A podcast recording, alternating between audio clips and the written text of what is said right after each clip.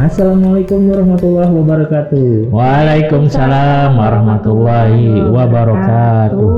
Tabi pun. Iya pun. Apa kabar kawan pajak semua? Selamat datang dalam eh, podcast Natar Ngerujak Jilid 2 KPP Natar ngobrol urusan pajak. Tempat kawan pajak ngobrol santai, curhat dan berbagi informasi terkini tentang pajak dan peraturan perpajakan terbaru. Perkenalkan saya Andika Windianto, asisten penyuluh pajak terampil dari KPP Pratama Natar yang akan memandu obrolan kita pada kali ini. Bersama saya di sini juga sudah bergabung teman-teman dari penyuluh pajak KPP Pratama Natar.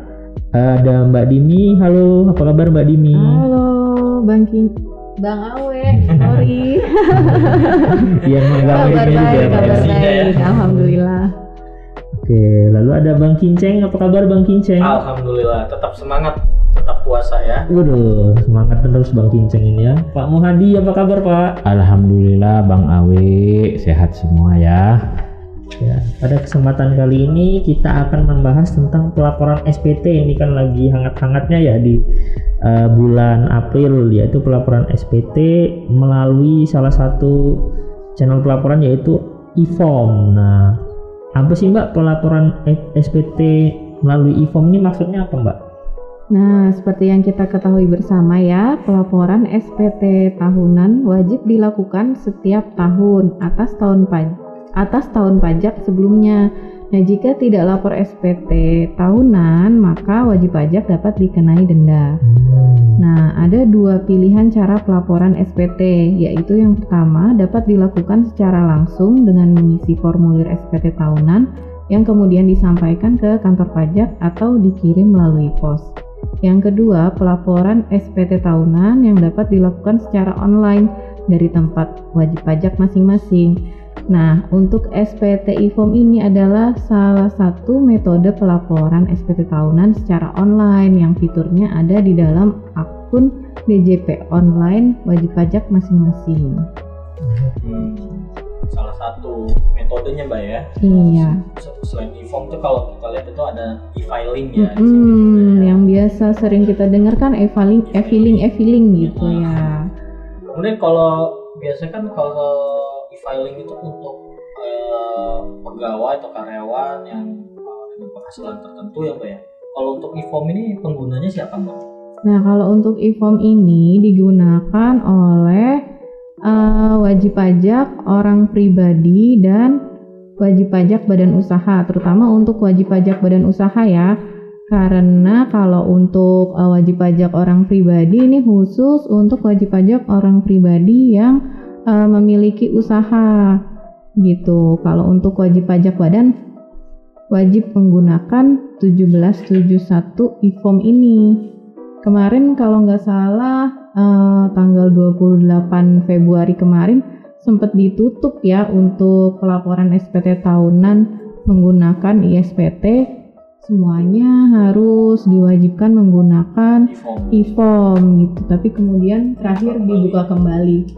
Mungkin eh, dianggap AA belum siap semuanya menggunakan eh, 1771 e-form makanya dibuka kembali ISPT namun bersiap-siap aja ya wajib pajak ke depannya mungkin akan dialihkan terus ke e-form.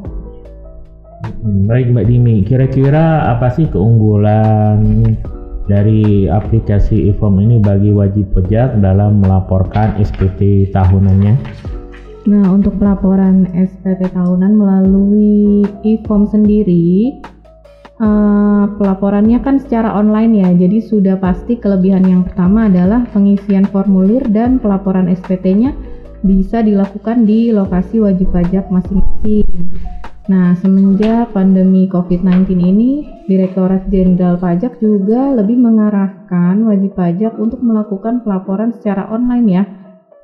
Selain itu, untuk ke depannya juga kayaknya akan didorong semuanya secara online dengan program eh, Direktorat Jenderal Pajak kan klik call counter ya. Jadi kalau ada masalah atau eh, keluhan bisa diklik dulu ke web Kalau belum selesai masalahnya, belum teratasi bisa telepon. Nah, terakhir baru datang ke kantor pajak.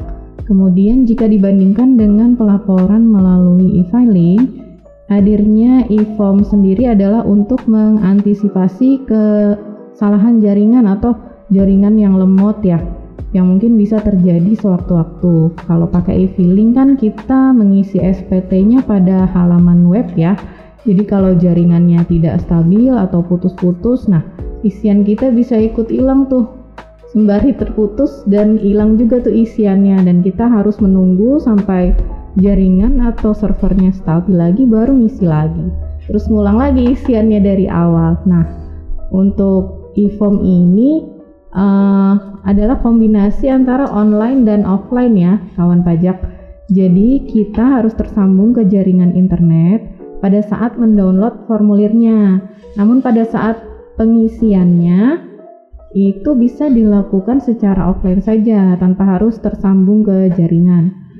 Tapi jangan lupa nanti diklik save ya untuk file yang sudah diisi data-datanya supaya tidak mengulang lagi isiannya karena sistemnya kombinasi nih online dan offline jadi dari segi waktu juga lebih fleksibel karena pengisiannya bisa kapan aja sepanjang wajib pajak sudah mengunduh file uh, SPT e-formnya gitu. Nah, berarti enak ya Mbak ya kalau untuk menggunakan e-form ini. Jadi waktu downloadnya dia harus online, mengisinya itu tidak perlu online dan online lagi saat dikirim ya Mbak di Iya, ya. betul Bang Awe. Nah, kalau yang disiapin supaya bisa lapor SPT ini secara e-form ini apa aja Mbak? Nah, untuk semua wajib pajak yang ingin lapor SPT online, pertama harus aktivasi nomor EVIN dulu ya Kemudian untuk wajib pajak KPP Pratama Natar bisa uh, datang langsung KPP Natar untuk aktivasi Evin atau chat aja langsung ke WA layanan Evin KPP Pratama Natar di nomor 0852 6708 7722. Nah, bisa chat ke situ untuk melakukan aktivasi Evin. Kemudian persiapan selanjutnya sama seperti laporan SPT tahunan manual ya. Pertama-tama harus menyiapkan data-data isian SPT-nya. Kalau pernah dipotong pajak oleh pihak lain, nah dikumpulin dulu tuh bukti potongnya. Kalau menggunakan mekanisme PP23 untuk WP UMKM, maka disiapkan dulu catatan omset dan penyetoran PPh finalnya tiap bulan. Untuk badan usaha juga perlu menyiapkan laporan keuangan minimal neraca dan laporan laba rugi. Nah, nanti berkas-berkasnya seperti rekap omset dan laporan keuangan tersebut jangan lupa di tanda tangan, kemudian dicap ya yang punya cap. Kemudian di-scan menjadi file PDF karena nanti file PDF itu akan diupload dalam SPT e-form. Khusus untuk SPTI Form, wajib pajak harus menyiapkan uh, laptop atau PC yang sudah terinstall dengan aplikasi Adobe Acrobat Reader DC. Karena nanti file formulirnya harus dibuka dengan aplikasi Adobe Acrobat Reader DC. Jika data isian dan EVIN sudah siap, silakan aktifkan akun DJP online-nya dengan masuk ke laman djponline.pajak.go.id. Kemudian pilih menu belum registrasi. Nah, nanti akan ada isian profil wajib pajak berupa nomor EVIN, nomor telepon, dan alamat email. Nah, untuk Bapak Ibu kawan pajak pastikan nih email yang di input yang didaftarkan itu adalah email aktif yang Bapak Ibu ingat passwordnya atau bisa dibuka karena link aktivasi akun DJP online akan masuk ke alamat email tersebut. Selanjutnya, setelah klik uh, belum registrasi dan mengisi isiannya, silakan dibuka emailnya tadi karena akan ada email masuk berupa link aktivasi akun DJP online. Di dalam email tersebut ada kotak biru bertuliskan aktifkan. Nah, itu diklik aja. Kemudian otomatis akan uh, masuk lagi ke laman DJP online. Nah, untuk pertama kali masuk ke akun DJP online harus melalui link yang ada di email itu ya. Karena kalau Bapak Ibu kawan pajak nih suka lupa, katanya sudah registrasi nih, tapi kok nggak bisa masuk. Nah, karena untuk pertama kali masuk harus melalui link aplikasi yang ada di email begitu, Bang Awe. Hmm. Jadi kalau untuk yang pakai iPhone ini uh, apa untuk yang punya akun digital online ini khusus untuk yang pakai iPhone aja atau gimana mbak? Oh enggak, Bang Kinceng, semua wajib pajak sebenarnya punya akun DJP online. Nggak hanya uh, wajib pajak yang misi SPT tahunan dengan iPhone saja.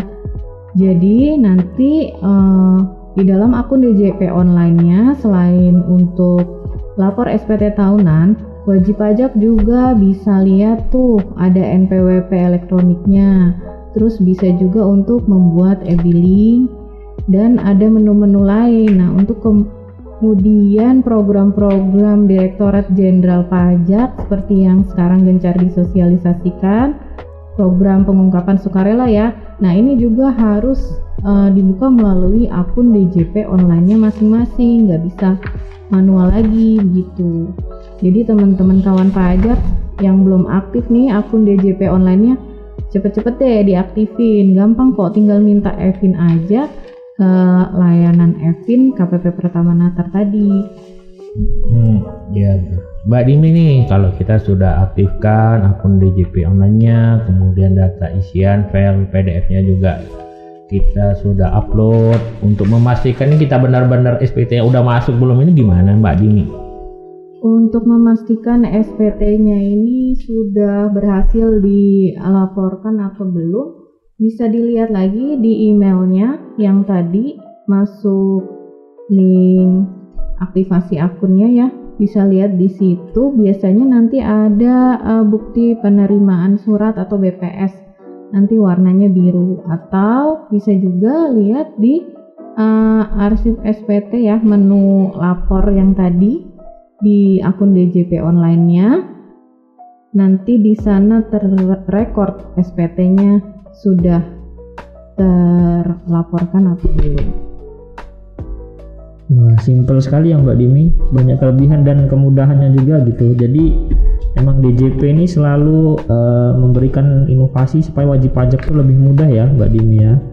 Nah, tapi pasti kalau misalnya uh, aplikasi itu kan ada kendala ya Mbak Dini apalagi kalau aplikasinya mungkin baru gitu di pakai oleh wajib pajak apa wajib pajak baru mengenalnya gitu nah biasanya apa aja sih uh, kendala di e-form ini Mbak Dini nah terus solusinya tuh gimana Nah kalau untuk di KPP Pratama Notar biasanya kendalanya adalah device-nya ya untuk SPT e-form ini kebetulan tidak bisa dibuka atau diisi melalui handphone. Hmm. Jadi harus menggunakan PC atau laptop. Sedangkan nggak semua wajib pajak punya PC atau laptop. Tapi jangan khawatir, untuk wajib pajak dengan kendala tersebut, KPP Pratama Natar menyediakan helpdesk. Nah, jadi silakan datang ke KPP Pratama Natar untuk asistensi pengisian SPT tahunan e-formnya. Kemudian untuk kendala yang sering terjadi yang ditanyakan wajib pajak biasanya saat pengisian e-form dia nggak bisa lanjut ke halaman atau formulir berikutnya. Nah ini seringnya wajib pajak ada isian yang belum terisi. Nah itu ditandai dengan warna merah. Nah itu harus diisi dulu baru bisa klik lanjut. Di scroll scroll ke bawah mungkin ada tanggal atau apa yang belum terisi. Nah Biasanya seperti itu. Namun untuk setiap kendala teknis seperti itu wajib pajak tidak perlu khawatir karena seperti tadi untuk layanan Evin, untuk layanan konsultasi perpajakan secara umum juga bisa uh, konsultasi melalui online WhatsApp.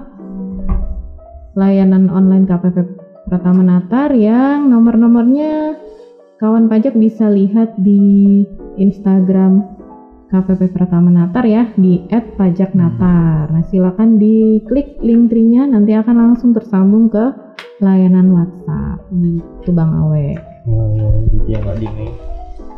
Berarti eh, untuk kawan pajak nih, jangan lupa nih follow akun Instagram KPP Pratama Natar di @pajaknatar. Nah, mudah-mudahan siaran podcast Natar Ngerujak kali ini membawa banyak manfaat dan informasi yang kawan pajak butuhkan ya. Jadi untuk kawan pajak semua jangan lupa terus ikuti siaran Natar Ngerujak dan sampai ketemu di episode selanjutnya. Wassalamualaikum warahmatullahi wabarakatuh. Waalaikumsalam warahmatullahi wabarakatuh. Tabi pun, Iya. Udah udah ngerujak belum hari ini?